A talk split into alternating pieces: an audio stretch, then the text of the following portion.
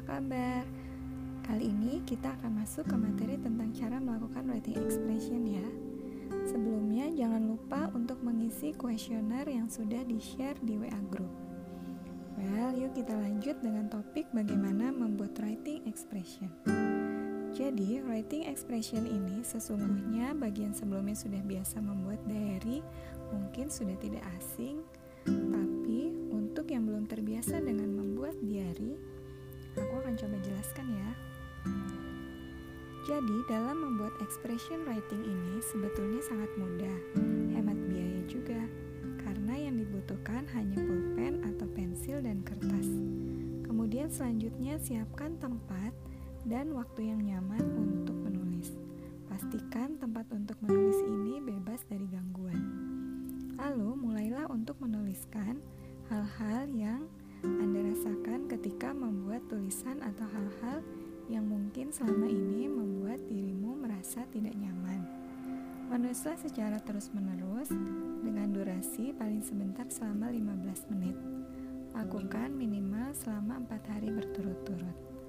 Pada minggu ini, Anda diminta untuk dapat menuliskan tentang perjalanan hidup selama ini. Bagaimana interaksi Anda dengan lingkungan sekitar, seperti keluarga, teman, tetangga, dan yang juga yang lainnya.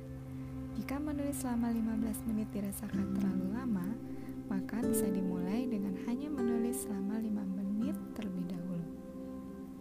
Namun, naikkan durasi penulisan dari hari ke hari hingga sampai pada durasi 15 atau 20 menit.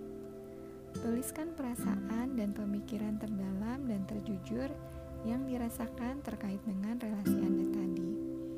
Ingat, dalam kegiatan menulis kali ini tidak perlu memedulikan tata bahasa, ejaan, dan semua aturan penulisan yang ada.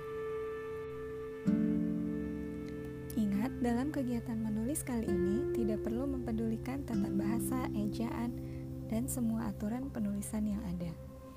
Jika merasa bingung ingin menuliskan apa, bisa juga diisi dengan menarik garis di sepanjang kertas atau mengulang apa yang sudah ditulis sebelumnya.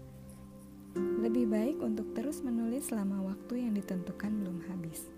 Di akhir minggu, yaitu tanggal 19 Juli 2020, masing-masing diharapkan dapat mengirimkan foto hasil tulisan tersebut melalui email writingexpressiontherapy@gmail.com. Pada hari Senin 20 Juli 2020 saya akan kembali memberikan topik yang lain ya. Terima kasih.